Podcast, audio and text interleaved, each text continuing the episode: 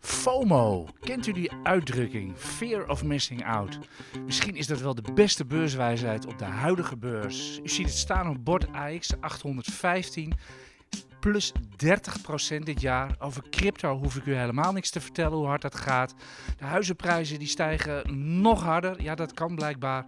Nou, noem alles maar op. Ik kan me goed voorstellen dat het zweet u uitbreekt omdat u bang bent om de rit te missen. En niet omdat u bang bent voor de kracht. Beide kan trouwens ook nog. Maar wees voorzichtig. Misschien bent u deze kans aan het missen. Maar op de beurs komen altijd nieuwe kansen. Welkom bij de EX-beurs podcast. Het is vrijdag 22 oktober 2021. De huis staat dus op 815. Mijn naam is Adja Kamp, ik ben marktcommentator voor EX.nl en tegenover mij staat... En ik ga hem lekker eens even verrassen met een vraag die wij niet hebben voorbereid. Niels Koerts, aandelenanalist van EX.nl. Niels, als nou de komende weken of maanden, als er nou weer nieuwe lockdowns worden afgekondigd... Want die term valt de hele tijd weer. Met misschien wel checks. En dan moet het ook wel inclusief de VS zijn, dat zeg ik er wel bij. Welke aandelen zou je dan subiet kopen? PostNL. En dan valt het bij jou stil? Ja, je hoeft er niet eens over na te denken. Nee, nee, nee. Het is het aandeel uh, wat mij betreft die het goed kan doen. We hebben er ook toevallig veel vragen over gehad. Van waarom we het aandeel eigenlijk nooit behandelen. Ja, gaat, uh, nou daar gaan we vandaag zeker op in. We hadden inderdaad veel vragen over. We gaan het over PostNL hebben, hebben vandaag. Maar die noem jij dus. Uh, ik stelde gisteren die vraag op Twitter. Ik kreeg daar leuke reacties over. Ik zat zelf overigens te denken aan... ja, ik ben, ik ben een beetje meer zo iemand van in een gold rush. Want dat is het wel een beetje. Moet je gewoon altijd de pikhouweel-fabrikanten hebben. Ofwel de handelaren. Die verdienen altijd geld. En dan zit ik te denken aan Robinhood, een broker, uh, Virtu, een high frequency trader, market maker, flow traders bij ons. Aan dat soort bedrijven zit ik te denken. Maar, maar, inderdaad ook PostNL, Just Eat Takeaway misschien ja, wel. Maar het is maar de vraag, al, al komen er wat nieuwe lockdowns, of we dan echt paniek op de markt te krijgen. Omdat we natuurlijk weten in het verleden, daar hebben we natuurlijk gezien, dat ook koersen weer heel snel herstellen als die lockdowns zijn opgegeven. Dus, en als je dat weet, zal de markt daar ook weer rekening mee daar houden. Daar doe ik natuurlijk ook op. Hè. Net als wat we natuurlijk ook vorig jaar maart zagen. Maar uh, geen enkele markt is twee keer hetzelfde. Hou er wel even, even rekening mee. In ieder geval, goedemiddag bij, bij deze podcast. We hebben een verbijsterende agenda, mag ik wel zeggen, uh, Niels. We gaan de brede markt uh, doornemen. Er was echt heel veel te doen deze week op de beurs. We gaan het over centrale bankiers hebben, niet centrale banken. Let op. Um, we gaan het hebben over de cijfers die er deze week waren. We natuurlijk Unilever, hadden ASML. We gaan zeker wat over Philips zeggen. Tesla had mooie cijfers. We gaan het ook over PostNL hebben. We hebben weer veel lezersvragen. Er zitten ook diverse fondsen tussen. Heb je nog alle punten genoemd die we gaan behandelen, Niels? Of hebben we er nog een paar? Fopak. Fopak moeten we natuurlijk ook nog over hebben. Ja, iets met de topman. En dan hebben we ook nog Randstad. En dan gaan we ook nog even heel snel vooruitblikken op volgende week. Want ze komen allemaal. Facebook, Apple, Microsoft, Amazon, uh, Google, uh, Shell. Het, ja, het wordt wel een korte vooruitblik, want anders wordt het een podcast van twee uur. Dat is denk ik ook niet helemaal de bedoeling, zoveel vlak voor het weekend. Ja, nee, we hebben, we hebben echt te veel, uh, veel onderwerpen. Laten we dus uh, denk ik maar gauw even naar de brede markt gaan. Ik wil hem eerst nog even voorstellen, want ik vergeet het iedere week. De techniek van deze fantastische podcast. Want waar we ooit op een telefoon begonnen, doen we het nu met echte middelen, is onze collega uh, Koen Grutters. Hij zorgt dat dit allemaal perfect uh, op band komt te staan. En houdt ook ons een beetje in toom. Want wij willen nog wel eens heel erg enthousiast worden, uh, Niels. Wat was jouw nieuws, nieuws van de week? Uh, want er was nogal wat nieuws. Nou ja, wat mij opviel was met name gisteravond waren de, de, de cijfers van Snap. En daaruit bleek toch wel dat sociale mediabedrijven, of met name Snap, heel veel last heeft gehad van de Apple software update. En wat ze er ook bij zeiden, dat is dat uh, ja, toch bedrijven minder adverteren vanwege ja, de tekorten die er in die uh, uh, ja, supply chain, in die toeleveringsketen zijn. dus zelfs een sociaal media bedrijf heeft dus last van de, de, de, de problemen in de toeleveringsketen. Ja, het was natuurlijk ook gisteravond Intel zelf die over chiptekort begon. Ja, een chipfabrikant die over chiptekort uh, begint. Zover zijn we dus intussen. De koers ging ook min 9 van Intel. En Snap ging zelfs min 30, sloot op nou, min 20. nou, nee, nee, nee. Na beurs min 30 en nu uh, voorbeurs. Ja, want de podcast wordt opgenomen voordat uh, Wall Street open gaat. Het lijkt rond de 20% lager te zijn.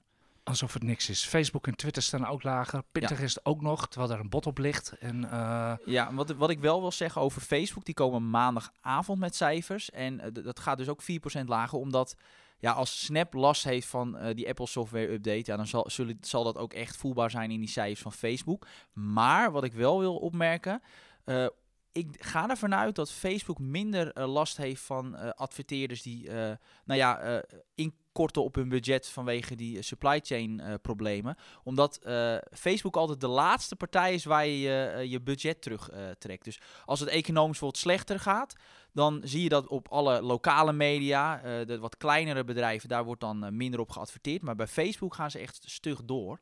En dat is, komt gewoon vanwege het hele goede algoritme. Ja, jij bent long in Facebook, hè? Dat, dat, uh, dat is duidelijk. ik denk dat dat bij de luisteraar wel duidelijk zet, is. Zetten we dat even ja. bij. Uh, Snap, heb jij positie in Snap of niet? Nee, ook Intel niet, et cetera. Moet toch altijd wel even goed in de gaten houden, Niels. Dat we altijd even heel netjes uh, aangeven waar wij wel en niet exposure hebben. Ja, hier op het Dambraak vandaag is het busbedrijf naar de, naar de bus gegaan, Ebusco. Eigenlijk ja, mooier hadden ze het niet kunnen timen. Hè. Het is natuurlijk groen, duurzaam, elektrische bussen. En dan op een all-time high naar de beurs. Nou, groen en duurzaam is natuurlijk het beleggersthema.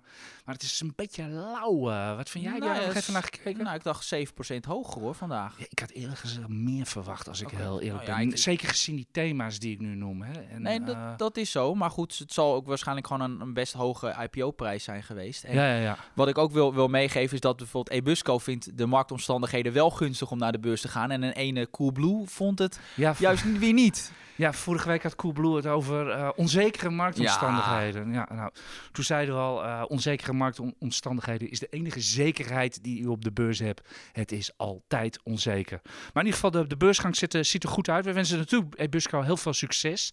Uh, onze collega Martin Krum heeft al een uitgebreide analyse op de site staan van of u dat aandeel moet hebben of niet. En gaat, u, gaat u daar maar even kijken. AJ, wat is jouw nieuws van de week? Trekkers. En wel drie stuks eigenlijk. We hadden natuurlijk van de week hadden natuurlijk die, de introductie van die Proces Bitcoin, uh, Bitcoin Futures Tracker. Nou, dat is werkelijk een uitzinnig succes. En volgens waren er deze week ook documenten, kunt ze gewoon inzien, van de beleggingsportefeuille van ene Jerome Powell. Die kent u wel als, als vetvoorzitter. En die, uh, die maakte zijn, in ieder geval die, zijn portfolio werd gepubliceerd. Daar met open mond naar staan kijken. Daar zitten geen individuele aandelen in. Er zitten heel veel obligaties in. Maar vooral enorm veel trekkers. En dan vooral ja, alsof hij en Vanguard en iShares en alle partijen plezier wil doen. Want hij heeft ze in alle soorten en maten. De S&P 500 heeft hij in 10 versies. Uh, nou, noem alles maar op. De Russell 2000, de Wereldindex. Ik stond er echt wel even, even van te kijken. En uh, er was natuurlijk veel tumult om die, uh, die handelende, handelende echt centrale bankiers van de Fed. Echt de mensen die de rente bepalen, die zitten gewoon te handelen op de beurs. Veel toestanden over geweest. Nou, gisteravond was het nieuws dat de Fed dat heel snel intrekt. Vanaf nu hebben alle Fed-leden hebben gewoon een handelsverbod. Ze mogen nog wel beleggen, dus gewoon trekkers kopen, zoals ook Jerome Powell dat doet. Maar echt handelen in futures, terwijl je ondertussen over een rente zit te stemmen, dat is, er, dat is er niet meer bij. En dat was natuurlijk ook wel van de, ja, sorry dat ik het zeg, of van de ratten besnuffeld. Of ben ik nu echt een grof, Niels? Nee, het is een goede samenvatting van hoofd. ja, sorry hoor. Maar dat kan toch niet? Nee, want nou, zij, ja, zij, hebben gewoon letterlijk voorkennis. Ja, ja, ja. Dus uh, ja, dat is naar mijn mening gewoon handel met voorkennis. Ja, er waren er nog twee centrale bankiers in het nieuws deze week. Onder meer ja. een Turkse. Ja, ja Erdogan. Dat maar is wat Erdogan betreft... is geen centrale nou, bankier. wat mij betreft wel. Want hij, als, als, als er een uh, centrale bankier aan het roer staat die hem niet zint, dan uh, wordt hij de laan uit ja, per, per rentebesluit is, uh, versluit hij een centrale bankier. Dat is ongeveer het gemiddelde. Hè? Ja, ja. ja het begin deze week had hij, had hij weer de hele, nou, zo'n beetje de hele top van de Turkse centrale bank had hij eruit geknikkerd. En toen, aan het einde van de week, wat, was er ineens van heel verrassend nieuws. De rente ging omlaag in Turkije. Ja, met 200 basispunten. Ja, hij ging van 18 naar 16 procent, terwijl de inflatie 20 is. Dus dan denk je van nou, hè, normaal nou 16% rente, dat willen we allemaal wel. Alleen, uh, dan is, er staat dan wel een inflatie van 20% tegenover. Dus dan ga je per saldo nog 4% omlaag.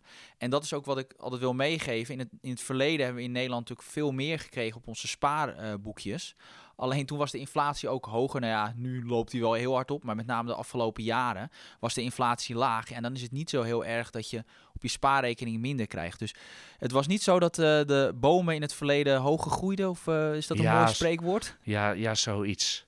Ja. De Maar mensen weten wat ik bedoel. Ja. ja, even voordat ik... Er was nog een centrale bankier in het nieuws deze week. Maar nog even terug te komen op die trekkers. Er was natuurlijk ook nog een, zekere oud-president Donald Trump. Die eh, gisteren met... Ja, ik moet dat even opzoeken. Digital World Acquisition Corp. Dat is een SPAC. Die term die kent je inmiddels. Trump is een nieuw bedrijf begonnen. Truth heet dat. En eh, social media moet het zijn. En daar wil hij eh, en Facebook en Twitter en noem alles maar op...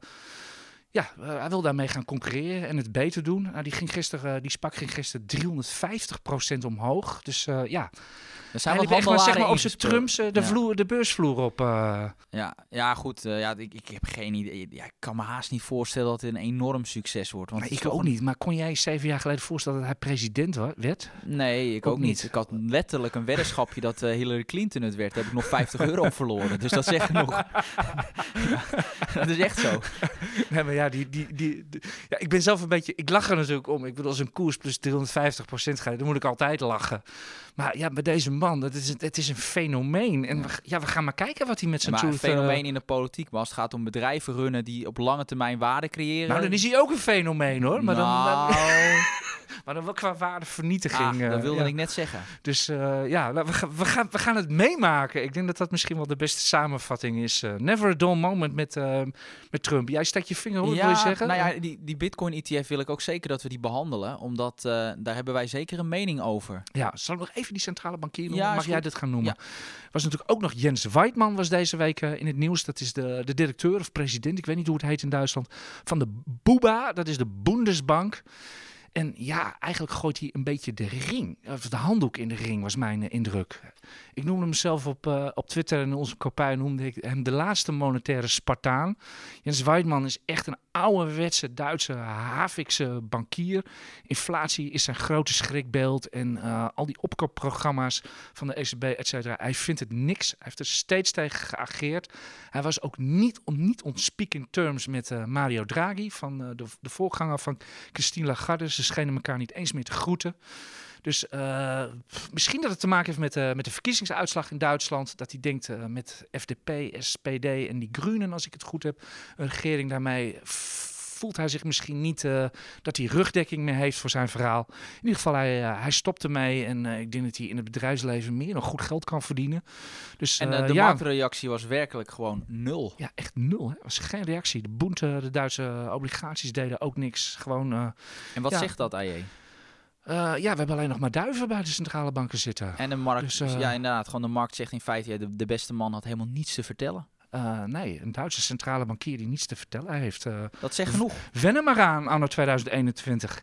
Ja, en dan komen we denk ik, wat denk ik wel het meeste publiciteit gehaald heeft deze week. De, de Bitcoin-trekker eh, van ProShares. Ja, en wat het meeste publiciteit trekt, dat betekent niet automatisch dat het ook het beste product is.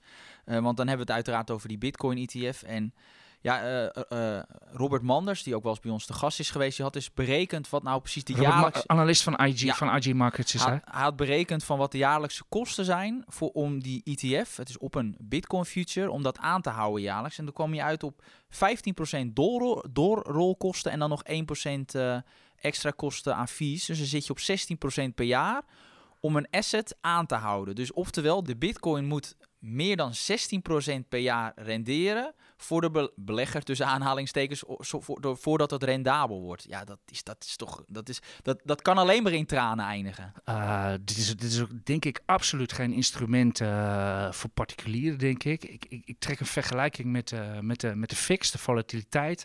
Daar zijn ook uh, de FIX-index, die kent u misschien wel. Daar zijn ook allerlei futures op. Er zijn zelfs fix on fix futures, om het nog bonter te maken.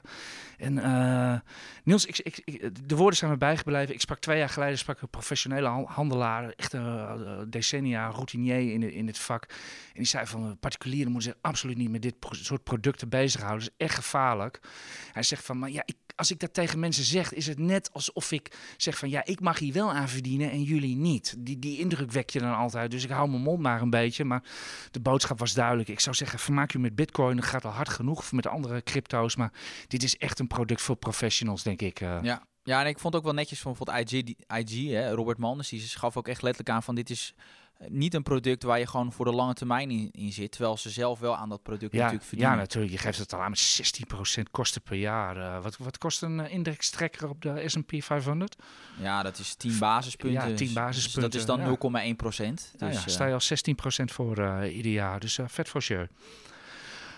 Gaan Zullen we, naar de aandelen, Ja. we naar de aandelen gaan? Of, eh, of is er nog meer Nou, brede marktnieuws? Nee, zullen we gewoon eh, richting... Nou ja, ja, China.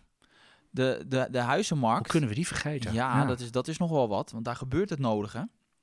Afgelopen maand gingen de verkopen van bestaande woningen in China met 63% omlaag. Hoe zal dat nou komen Van wie is dat cijfer? Is dat van China zelf of is dat van een, van een marktpartij of wat dan ook? Eh, nou ja, ik heb dat toevallig eh, gelezen. Nou, dus dat wel de Chinese overheid zijn die dat cijfer communiceert. Vannacht eh, heeft Evergrande heeft toch een couponbetaling gedaan. Waar het geld vandaan kwam, ik heb het niet zo snel kunnen achterhalen, et cetera. In ieder geval is er op, op, op, nood is dat, is dat gebeurd. Eh, de Chinese autoriteiten die zeggen dat ze alles onder controle hebben. Tot, tot echt hoge, hoge omers eh, aan toe. Dat de schade beperkt gaat blijven of wat dan ook. Maar ja, vorige week hadden we het hier ook al over. Als je naar de waardering kijkt van de, van de Chinese huizenmarkt. Amsterdam is er echt niets bij. Eh, Tokio is er zelfs niks bij. Wat ze daar in, in huizen voor Shenzhen, Shanghai, Hongkong, eh, Beijing wordt betaald. Dat is echt niet normaal. Misschien zitten we hier wel tegen de grootste bubbel aller tijden aan te kijken. En misschien ook wel het grootste marktrisico. Ja, en we ik weet weten- het niet. We is, weten eh, allemaal dat een huizenmarkt, het be- een, de- een crash van een huizenmarkt is vaak het begin van misschien wel een, ja, een wereldwijde economische crisis. Dat hebben we natuurlijk in 2008 gezien. ja, en als China niest, dan, eh, dan zijn we wel stront verkouden, ja, denk dus ik. dat is eh, wel, ja. eh, dit is wel echt een eh, link. want dat ook die, doordat die verkopen zo daalden, gingen ook die, die huizenprijzen gingen omlaag. En dat is wel iets wat we al jaren niet gezien hebben in China. Dus dat is echt iets om in de gaten te Ja, en houden. natuurlijk ook. Chinese particulieren die, die, die, die investeren in vastgoed. Wij, wij, doen, nou, wij doen dat natuurlijk ook hier in Nederland, maar ook aandelen. Maar echt vastgoed is, is echt je, je oude dagsvoorziening, et cetera. Dus je kunt je voorstellen dat er heel veel Chinezen gewoon heel slecht slapen op dit moment. Ja, het enige wat we denk ik kunnen doen is, eh, is eh, Beijing en de president heel veel wijsheid toewensen in deze. En dat ze deze crisis weten te tackelen. Want dit is echt wel een, het is echt wel een risico die er, die er onder de markt ligt. Ja. Oké, nou dan gaan we met deze vrolijke boodschap maar snel naar, naar onze aandelen, denk ik, Niels. Welk aandeel wil je eigenlijk beginnen? zullen maar met, gewoon met de allergrootste op het Damrak beginnen. Dat is ASML. Brand los. Brand los. Eh, ik denk dat het opvallendste was aan de, aan de cijfers van ASML dat ze dit keer de verwachtingen niet verhoogden. Verder eh, was alles weer, eh, weer af te vinken. De verwachtingen werden gehaald. Het was eigenlijk wel wat je normaal gesproken bij een cijferrondje eh, rondje mag verwachten. Overigens wel een schitterend orderboek bij ASML. 6,2 miljard. En, eh, maar ze hebben dus inderdaad problemen. Bepaalde schroefjes zijn niet te krijgen, bepaalde onderdelen. Dus ze hebben vertragingen. Maar dat is de luxe positie die, die ASML heeft. Ze bellen gewoon even naar TSMC en Samsung. Jongens, het wordt even een paar weken later. En ze vinden daar allang alles prima. Want ze kunnen niet zonder die, eh, die machines. Maar voor andere partijen geldt het natuurlijk wat minder. Maar eh, ik, ik denk dat de, de cijfers van ASML gewoon uitstekend waren. Ja, dat de verwachtingen niet weer verhoogd werden. Ja, het is niet altijd feest. Nee, en dan dat dan de koers, wat was het, iets van 3, 4 procent omlaag. Ja, dat hoort er dan bij. Ja, eh, als, u daar nog niet aan gewend bent dat ASML altijd heel hard beweegt. Kijk vandaag maar weer. Gisteravond Intel eh, min 9. Nou, wat staat er? Stonden weer procenten winst vandaag op het bord. Weet je ook een beetje waarom wij nooit koersen voorspellen? Nee, Want naar aanleiding van kwartaalcijfers, dat is geen, dat is, dat is niet, eh, nee. dat is echt, eh, dat is, heeft enorm afbreukrisico. Laten we, laten, we dat, eh, laten we dat zomaar stellen. Maar verder, onze analist Paul Weteling was ook heel enthousiast over ASML-cijfers. Die, die, heeft, die, trekt ook al zijn verwachtingen gewoon door. Dus Nee hoor, niks aan, verder niks aan de hand met ASML. Eh, nee, dat niet. Nou, het moet natuurlijk.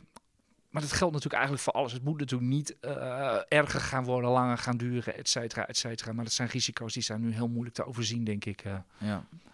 Ja, Unilever vind ik ook wel een, eh, een interessante, want je ziet toch dat daar de volumes onder druk staan. Ja, dat, niet alleen. Ik denk, ik denk dat de mensen vooral opvalt dat de koers onder druk staat van Unilever. Ik, ik noemde het net al, de AI staat dit, dit jaar op plus 30 procent. En Unilever staat op min 8. Of nou, min, min 7, min 8. In ieder geval, het staat gewoon een min. Dat is werkelijk waar enorme underperformance. En dat niet alleen. Ze blijven ook ver achter op, uh, op hun peers. Procter Gamble en, uh, en Nestlé die kwamen deze week met hun rapportages door. Procter Gamble is druk bezig alle prijskaartjes te vervangen. Alle prijzen worden daar, uh, daar verhoogd. Dat gaat u in de supermarkt melden. Merken. ja, Nestlé verhoogde zelfs de outlook. Ja, en toen kwam Unilever en die liet het toch eigenlijk wel, als ik de cijfers goed las, Niels, daar ben je altijd, uh, ben je altijd goed in precieze cijfers, dat er eigenlijk wel volume krimp was, uh, omzetkrimp. Ja, ja, ja, dus alleen gecorrigeerd voor die prijsstijging hebben ze nog iets uit, extra uit weten te peuren. Ja, maar, het, het, groeit, niet, het groeit gewoon niet. Het moet gewoon groeien. Ja. En ik heb, uh, ik heb wat grafiekjes gemaakt, die kan je nog in mijn Twitter-timeline zien. Echt qua omzetgroei is, is, is Unilever gewoon al jaren teleurstellend. Nee, dat is een enge nu, grafiek. Ja, en nu ook, uh, ja, nu ook de koers. We hebben het hier al eerder gezegd. Het is heel goed mogelijk dat er druk gaat komen bij Unilever. Van al dan niet activistische aandeelhouders. Uh, partijen die erop kunnen gaan duiken en gaan schreeuwen. Dat, uh, nou, waar kunnen ze op aandringen? het meest logische bij Unilever is het opsplitsen in een voedings- en verzorgingsproducten onderdeel. Maar je kan natuurlijk ook nog meer onderdelen verkopen of wat dan ook. ja, dat daar gaat als, het gebeuren. zo, als het zo blijft doorgaan met Unilever, als ze zo blijven, blijven underperformen, dan gaat, dan gaat gewoon vroeg of laat uh, wat gebeuren. Is dat dan een mooi moment om daar aandelen te kopen? Ik moet eerlijk zeggen, ik zit er zelf ook wel een beetje op de azen, omdat ik Unilever met een trackrecord van uh, 100 jaar een prachtig bedrijf uh, vind. Ze verdienen altijd 7, 8 procent voor u. Ook dit jaar weer, ondanks dat die, dat die koers onder druk staat, die omzet, et cetera, dividend en aandelen inkopen, levert dat gewoon ieder jaar wel op. Ik zit er een beetje, een beetje op de azen als mooie defensieven waren. Maar zolang het in een downtrend zit, uh, zie ik geen Nee. noodzaak om in te stappen. Nee, nee dat is, eh, zo sta ik daar zelf ook in. Aandelen die in een eh, hele zware downtrend is, zou ik altijd even zo extra voorzichtig mee zijn. Ik laat nu even een pauze vallen, want daar krijg je van de week ook vragen over. Uh, aandelen in een downtrend kopen. Uh, Philips, Niels, uh, daar heb jij een advies op staan. En die koers eh, die gaat, die ligt ook niet zo lekker. Dat mag je uitleggen. Nou, maandag lag de koers niet goed, maar daarna ging het alleen maar omhoog. ik heb een beetje over dat, dat Philips vanaf meer dan 50 euro afkomt. Ja, nee, dat is... Voordat er iets met bepaalde apparaten aan de hand bleek te zijn. Ja, maar dat is natuurlijk, dat is natuurlijk puur het gevolg van die beademingsapparatuur. nou, die hele grootschalige terugroepactie, dat is natuurlijk inmiddels bekend. Maar wat wel interessant is aan Philips, is dat de, de koers uh, de afgelopen dagen omhoog is gegaan. En ja, er is weinig berichten over van wat nou precies de reden is. Maar ik denk wel iets te weten waar het door komt. Nou, tromgeroffel. Ja. Nou, met name en mede dankzij uh, Robert Manders, die bij die earnings call was, de analistenvergadering. Hij was daarbij en wat zei hij? Dat de, uh, de topman van Philips, die zei dat... Um, Frans van Houten hemzelf? Of? Juist. Die maakte namelijk bekend dat zowel de margeontwikkeling volgend jaar er goed uitziet, maar nog belangrijker... Uh, dat uh, uh, hij benadrukte dat slechts een beperkt deel van de ademhalingsapparaat ook daadwerkelijk stuk is gegaan. En dat niet eens vaststaat dat er daadwerkelijk kankerverwekkende stoffen zijn vrijgekomen. En het feit dat hij dat benadrukt, en dat is mijn interpretatie, het feit dat die topman dat benadrukt. Uh, zou ik misschien op kunnen kijken van nou, misschien valt dan die claims die uiteindelijk in de VS komen, misschien gaat dat wel meevallen. En dat is natuurlijk ook een deel van de discount die op het aandeel zit. Er zit natuurlijk een korting op, omdat er een bepaalde onzekerheid is in, uh, in welke mate uh, Philips claims gaat krijgen in de, in de Verenigde Staten. Dus als dat uiteindelijk meevalt, kan ook die waardering van Philips omhoog. Want ja, ondanks die problemen met die ademhalingsapparatuur, die lange termijn vooruitzichten zijn gewoon wat mij betreft heel gunstig. Vergrijzing, waar Philips van ja, profiteert. Ja, eigenlijk draait Philips heel goed. Ja, en uh, ja. met name op, op ook bijvoorbeeld uh, uh, zorg op afstand hebben zij een sterke marktpositie. En sowieso hun, met hun kwalitatief hoogwaardige medische apparaten. Er is gewoon meer behoefte naar, omdat we gewoon met z'n allen ouder worden en dus ook vaker naar het ziekenhuis gaan. Ja, in ieder geval wat jij nu zo vertelt, wat die CEO heeft gezegd. Ik denk, dat, uh, ik denk in ieder geval dat juristen dat wel jaren weten te rekken. Als er allerlei vraagtekens uh, en onzekerheden zijn. Uh, tenminste, ik heb inmiddels wel geleerd op de beurs dat dit soort zaken echt jaren kunnen duren. Ja, Sima, Sima Bayer bijvoorbeeld, ja. jij, jij ook naar kijkt. Ja, dat klopt, dat klopt. Ja. Maar uiteindelijk kan het ook gewoon zijn dat bijvoorbeeld Philips het toch gaat schikken uiteindelijk. Ja, en als ze het voor een paar honderd miljoen weten te schikken, ondanks dat er gewoon, ja, dat kunnen ze ook doen. Ja, zeg, zeg jij ook doen in zo'n geval? Uh, nou, als het een beperkt bedrag is, wat Philips gewoon prima kan missen, ik denk 300, 400 miljoen. Als je dat, kijk, het is maar, ik noem nu maar een Ja, bedrag, ja, hè, dat is ik snap niets dat je- gebaseerd. Nee, nee, nee. eh, dan, dan raakt het niet echt, weet je, dan ben je er gewoon vanaf. Ja, precies. Hè, dat kan, ja, hè, even één kwartaal de winst een keer, eh, nou ja, gewoon weg. eh, maar dan ben je wel van het gezeur af. En dat wil vaak nog wel voor opluchting zorgen dan. Ja. Omdat je in ieder geval van zo'n onzekere dossier af bent. Ja, maar dat eh. is echt een afweging voor een bedrijf. Dan weet een bedrijf, nou, de kans dat wij hier eh, in het ongelijk worden gesteld is heel klein. Maar toch gaan we betalen een bepaald bedrag, simpelweg omdat we er gewoon vanaf zijn. En dan kan de focus weer op de toekomst. Oké. Voordat we denk ik naar, eh naar Fopak en Randstad gaan, waar we het ook eh, over de topmannen eh, gaan hebben. Eens maar eens even naar het rondje lezersvragen van deze week gaan. Want oh, oh, oh, wat staat onze mailbox er weer vol, Niels. Ja, het was wel heel druk. We hebben echt goed moeten zoeken weer. Ehm, ja, we hebben sowieso een vraag. Nee, ik noemde PostNL al in Ja, laten we daar maar mee beginnen. Ja, eh, of we een keer PostNL kunnen behandelen. Want ja, de koers is de laatste tijd behoorlijk gezakt. En het is een vraag van eh, Marcel Kester. Wat wij ervan vinden. Nou, ik, ik kijk even naar jou, AJ. Wat vind jij van PostNL? Eh, nou, het zit in een bear market. Het komt van echt exact 5 euro eh, dit, dit voorjaar. Ik weet niet wat er nu exact op wordt. Ik heb niet de actuele koersen voor mijn eh, neus staan. Maar in ieder geval meer dan 20% eh, gedaald. In een ja, heel gestaag lijntje naar beneden eigenlijk. Eh, ja, je zou op het eerste gezicht zou je zeggen van... eh goh, het is, eh, is niet zo duur en het doet 6% dividend. Nee, meer nog zelfs. oh, Ik geloof wel dat je in een 8-9 gaat zitten nu, hoor. Ja, ja, dat gaat Ik las, het, ik las het, dan heb ik verkeerde data voor mijn neus gehad van Refinitiv. Ik las 6,3 af, maar goed, misschien hebben die er niet goed bij geweest. Zal, het is al- Acht keer de is de grootste angstgate nog op de beurs, dat je data niet klopt. Eh, Ja. Praat ons er niet van. Nee. In ieder geval 8, 9 zeg je al, ja, en dan weet ik eigenlijk al wel genoeg. Dan vertrouwt de markt het niet. Met zo'n hoog dividend, eh, dividendrendement, dan, eh, dan is er sepsis in de markt. En dan, eh, dan zou ik zeggen, kijkt u, kijkt u even op shortsell.nl. Daar worden alle uitstaande shorts worden bij, bijgehouden in Nederland. En kijk dan bij PostNL. En klik dan even op dat hele kleine gemene linkje onder die grafiek. Daar staan alle shortposities. Ja. Want op het eerste gezicht lijkt het 2%, dat valt mee. Het is overigens wel Marshall Wace, dat is een bekende naam in, eh, in Shortland, zeg maar. Eh, die hebben er een aardige neus voor. Maar kijkt u daaronder, dan ziet u dat een hele reeks partijen, die hebben, een, hebben ongeveer 0,4, 0,45 procent zitten ze short. En dan hoeven ze het lekker niet, eh, niet te melden. Ja, Maar- wat, wat ik wel Ja? over, over wil meenemen, is dat natuurlijk waar PostNL in de toekomst last van gaat krijgen, is natuurlijk sowieso het oprukkende Oh, nou, Amazon. Dat, ja, ja daar, wou- daar, Ja. Ik, ik was nog niet helemaal klaar Oké, met nee, mijn. Ik weidde misschien wel een beetje te veel uit. Maar in ieder geval, er staat heel veel short uit. Ik zie een hoog dividendrendement. Ik zie heel veel short uitstaan. En dan weet ik dat er in de markt heel veel sepsis is over de, over de cijfers en de toekomstige cijfers van, eh, van PostNL. En dat is denk ik niet zo moeilijk. Dat dividendrendement is eh, zeer ambitieus. Het dividend wat ze betalen. Ze moeten investeren, PostNL. En ja, die, die hele hoos van die pakjes in de coronacrisis. eh, ja, hoe eenmalig is die? En hoeveel... Nou, dat zet wel door. Hoeveel, hoor. hoeveel gaat daarvan afvallen? Ik probeer even advocaat van de duivel Ja. te spelen en namens die shortende hedgefunds eh, te praten, eh, Niels. Vergeet niet. Ja, ik ben een beetje geïrriteerd. Ik, ik gisteren weer allemaal van die, van die mensen, et cetera, op Twitter. sh- Shortjes maken bedrijven kapot, et cetera. Ja, sorry hoor, dat vooroordeel moet dan echt een keer eh, afgelopen zijn. Shortjes maken bedrijven niet kapot. Slechte bedrijven maken zichzelf kapot. En eh shorters krijgen geen kans als een bedrijf gewoon goed functioneert, eh, levert en presteert. Dan gaan shorters gewoon finaal de bietenbrug op. En dus ze nemen eigenlijk heel veel risico door dit te gaan doen. Je kan ook zien wie het zijn en wat hun posities zijn. Dus die hebben ja, voor hun begrippen gezonde reden om short te gaan in zo'n aandelen. In zo'n aandeel. Dus die zien gewoon heel veel, heel veel troubles daarbij eh, bij PostNL. En dat is het verhaal.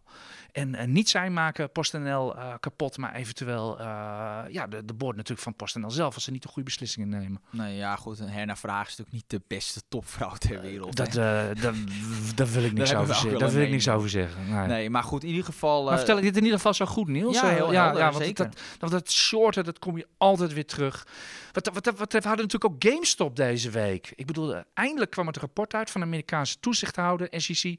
Ja, sorry, ik ga even helemaal off topic, eh, Niels, maar het schiet me zo te binnen. Van, hè, we wezen nog in januari dat de aandeel waar 150% short uitstond, dat kan. Uh, Reddit dook erop, de Robin Hood beleggers en de rest is history. Dat werden die meme aandelen, die enorme hype. En op het hoogtepunt van die hype gingen de luiken dicht en uh, blairde iedereen dat, er, dat de Wall de particuliere beleggers te grazen nam. Van de week kwam het lang verwachte rapport van de toezichthouder SEC uit, 45 pagina's lang. Gaat u dat lezen? Het is verschrikkelijk proza, maar dan weet je hoe de markten werken. Want dat begrepen al die mensen in januari niet. En daarom begonnen ze het hard te schreeuwen. De SEC constateerde geen enkele. Het is allemaal helemaal goed verlopen. Er is geen fraude gepleegd, er is niks gesjoemeld of wat dan ook. Niks aan de hand. Als u op verliezen zit, moet u bij uzelf weten. U hebt zelf fouten gemaakt. De markt heeft niks fout gedaan. Helder, dan gaan we naar de volgende nee, vraag. we waren nog bezig met PostNL, toch? Of niet? Ja, of was dat verhaal ik, ik, denk dat hij wel Ja, zo kom ik erop, is. via dat short verhaal. Dus. Nou, nu gaan we even verder met de volgende vraag. En dat is ja, een vraag van een enthousiaste lezer. En die vraagt van, ja, aan mij. Hoe kunnen TA en uh, fun, technische analyse en fundamentele analyse zulke verschillende adviezen geven? En dan noemde hij Philips als voorbeeld. Die zegt van ja, Niels die geeft een koopadvies voor Philips. Maar als je, als je kijkt naar de analisten van Tostrams, die zeggen van nou uh, mijden en wegwezen bij dit aandeel. Nou ja, dat is gewoon een, een, heldere vraag. Er zijn meer mensen die daar toch wel, ja, toch ook wel moeite mee hebben. Van hoe, waar komt dat verschil nou door? Nou, het is gewoon heel duidelijk. Het is een hele andere manier van kijken naar een aandeel. Technische analyse kijkt vooral naar trends. Uh, zit een aandeel in een stijgende trend? Komt het in de buurt van een steunniveau, van een weerstand? Dat is een hele andere manier van kijken dan fundamenteel, uh, uh, van een fundamenteel analist die vooral kijkt naar cashflow, groei, ja, meer ja, dat soort zaken. Dus dat, daar zit gewoon heel veel verschil in. Ja, ik, ik vat het zelf altijd heel grof samen tussen technische analyse is meer op handel gericht. Wanneer moet ik erin? Wanneer moet ik er weer uit? En fundamentele analyse is gewoon meer op beleggen op langere termijn gericht. Ja, dus ja, goed. Kun je daarmee leven? Ja, technische analyses zijn ook. Je hebt, kan ook wel lange termijn posities nemen op basis van technische analyse hoor. Dat, uh... Ja, maar dat is niet zo gangbaar. Nee, dat, minder. Uh, nee. nee. maar dat is minder. Maar het is wel altijd zo van als je, hey, jij noemt Philips, je wil toch in Philips, dan kijk je toch nog even wel naar de grafiek van wanneer ja. moet ik er nou in, wat is nou een mooi moment. En, ja, uh, maar kijk, in principe. Of wat ik over Unilever zei, van ja. ik ga er niet in, want het zit in een downtrend, terwijl ik ze eigenlijk wel stiekem wel wil hebben. Ja, nee, maar dat, dat, soms geef ik het ook gewoon aan hoor in een analyse dat ik hem fundamenteel heel, erg, heel erg koopwaardig vind, wat ik zeg, nou doen wel voorzichtig met instappen, want het zit nog in een, sta in een dalende trend. Dus want dit zelf, als, nou, dat heb ik ook wel meerdere malen gezegd, dat als zelf als privébelegger hou ik uh, wel degelijk rekening ook met de TA. Oké, okay. volgende vraag. We moeten snel, want we zijn ja, al een half uur onderweg, joh. Um, een vraag van Boel heet die. En dat is toevallig aansluitend wel redelijk op uh, de eerdere vraag. Is er wetenschappelijk onderzoek gedaan naar de effectiviteit van technische analyses? Want hij zegt van ja, ik denk toch dat het vooral draait om fundamenteel. Wel degelijk zijn er echt al uh, indicatoren waar op basis van uh, wetenschappelijk onderzoek echt statistisch significant zijn. En dan heb ik het bijvoorbeeld over het uh, ja, 200 daags gemiddelde. Dus echt als een aandeel het ja, de afgelopen half jaar, drie kwart jaar heel goed heeft gedaan, dan is de kans ook groot dat het het jaar daarna dat hij het goed doet. Alleen dat werkt alleen niet in alle jaren. Maar gemiddeld gezien werkt dat heel erg goed. Dus het is wel degelijk een ja, dat het toch wel, er zijn echt wel uh, technische indicatoren die, uh, die werken op, lange, op, op, op termijn. Als ik, nog, als ik nog even iets aan mag toevoegen. Er zijn fundamenteel, er zijn er Warren Buffett, er zijn heel veel beleggers die weet ik veel hoe rijk zijn geworden, et cetera. Dat soort TA-beleggers zijn er niet. Even iets om over na te denken misschien. Ja, nou ja, dat is ook ja, zo. Noem maar, noem maar een technische Warren Buffett op, die is er dus niet. Ja, maar misschien omdat uh, misschien de meute daar wat minder achteraan uh, rent. Want misschien ook wel wat saaier. ja, het is ook wel ik zo. Weet, ik, ik weet het niet, ik constateer het in ieder geval. Volgende vraag. Een vraag van uh, Mark Baarveld. Hij zegt, Chinese aandelen zitten weer enigszins in de lift. Is de risk-reward beter geworden?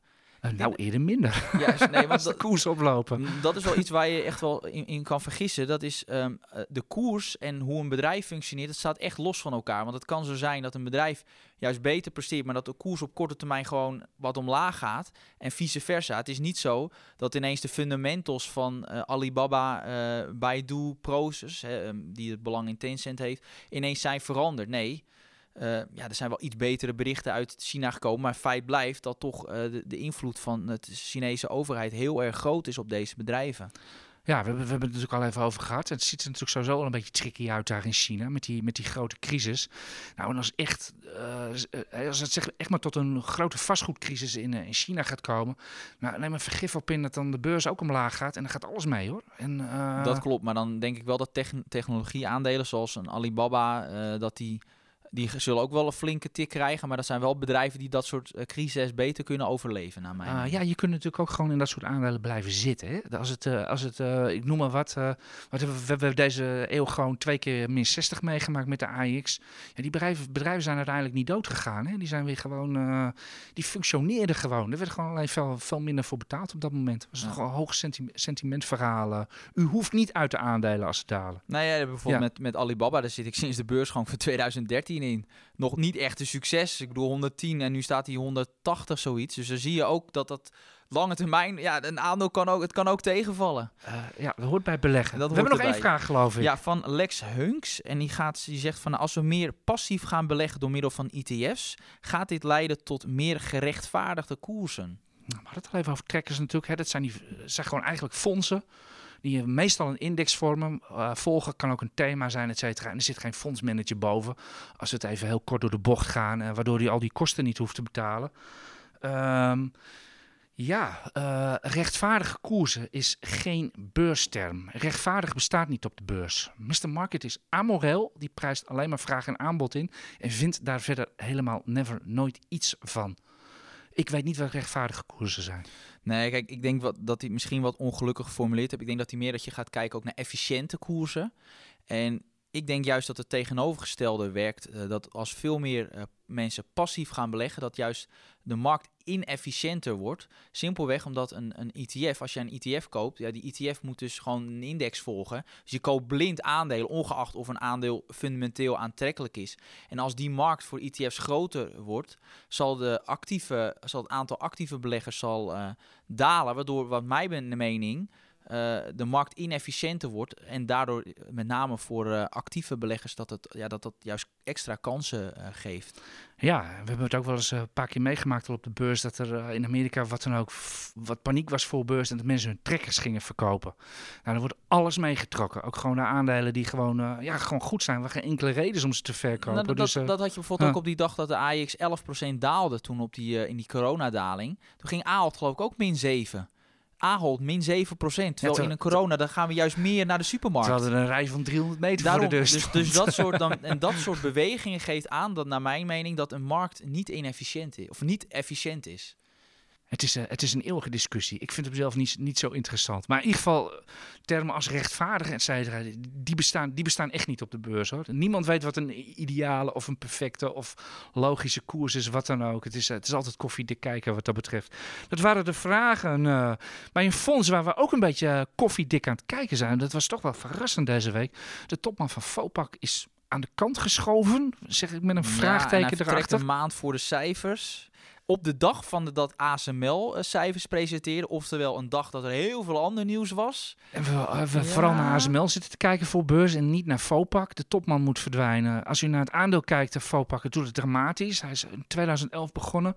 En eh, ja, ik, er loopt een project in Azië wat een drama is bij eh Fopak. Ik kijk niet raar op nieuws als de nieuwe topman over een maandje daar een voorziening op gaat nemen of wat dan ook. Daar Eh, hebben nieuwe CEO's over het algemeen wel een handje van. Om gewoon even alle lijken die er nog in de kast zitten. Om die eventjes eh, naar eh, eruit te Ja, groot gelijk natuurlijk. Anders word je in de, in de jaren erop, eh, die erop volgend, word jij erop aangesproken. Dus het, best, het is het beste wat je kan doen. Gewoon schoon schip maken.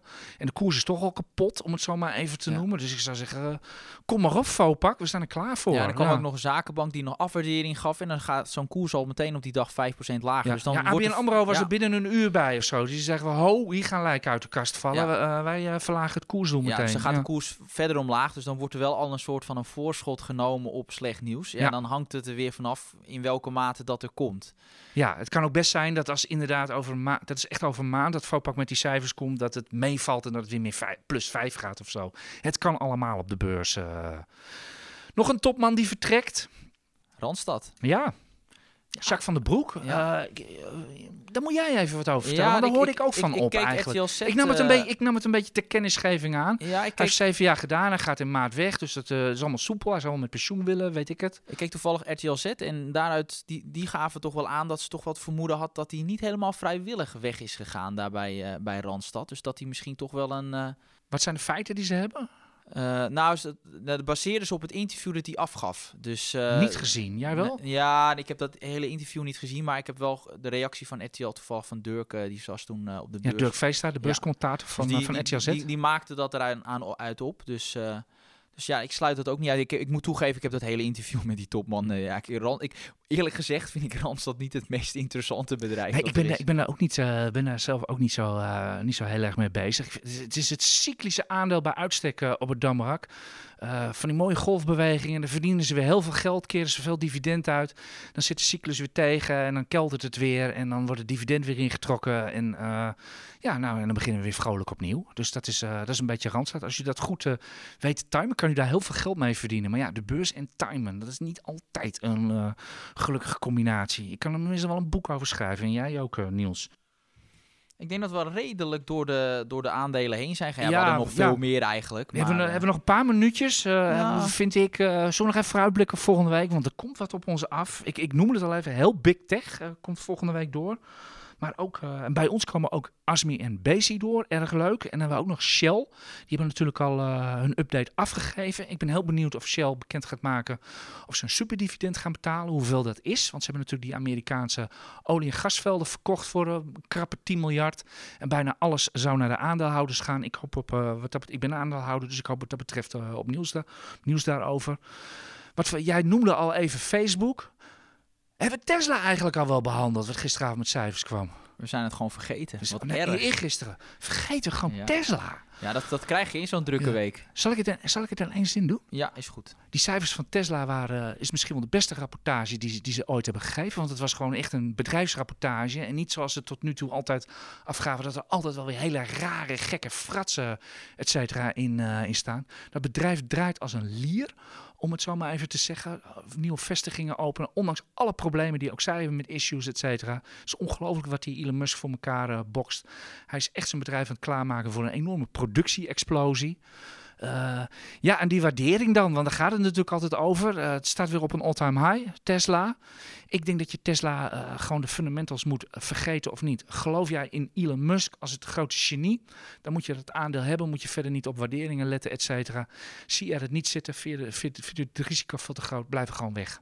Want ja. over de waardering, et cetera, valt niets zinnig te zeggen. Het is een storytelling aandeel. Ja, nee, met over Tesla moet ik toch wel de compliment aan onze analist uh, Paul Weteling geven. Want die, die steekt wel zijn nek uit. Ja, die steekt echt zijn nek uit door een strong buy te geven op een all-time high. Dat, hij was al positief. En uh, dan moet je wel uh, een pakket ballen Ja, maar hebben. ja, het dus ook. Hij was zeer onder de indruk van die cijfers. voor het koersdoel wat hij afgeeft, ja. moet u maar even gaan kijken bij ons op de, op de site. u gaat de stijl van achterover slaan. Ja, daar ligt volgens hem wel de nodige ruimte. Maar kijken. Wat hebben we, ja, uh, we moeten, we nog iets, moeten we nog iets over Apple, et cetera, zeggen? Microsoft die met cijfers komen. Die cijfers vallen altijd mee van Big Tech. Die gaan, ze overtreffen altijd de verwachtingen. Maar ik ben zeer benieuwd wat ze gaan zeggen over supply chain kortingen, prijsverhogingen, et cetera. En misschien ook wel personeelsproblemen. Gewoon de grote issues die er zijn op dit moment in de markt. Ik ben heel benieuwd of zij daar ook dingen over gaan zeggen. En na ASML sluit ik niks meer uit. Helder. Zullen we het dan hier maar bij laten? Helemaal goed. Oké. Okay. Nou, we hopen. We hebben weer drie kwartier volgepraat. We hebben weer ons best gedaan om ons aan een half uur te houden. Is weer niet gelukt. Uh, wens je geniet van die 815 die er op het bord staat uh, vandaag. Of van uw huis wat heel veel waard is geworden. Of wat dan ook. Of uw crypto portefeuille. Wens je een heel prettig weekend. Volgende week heel veel succes op deze werkelijk verrukkelijke beurs. Want er gebeurt elke dag gebeurt er, gebeurt er van alles. Ik geniet zelf met volle teugen van. Veel succes. En uh, ik begon met FOMO. Laat u niet gek maken. Veel succes en tot volgende week.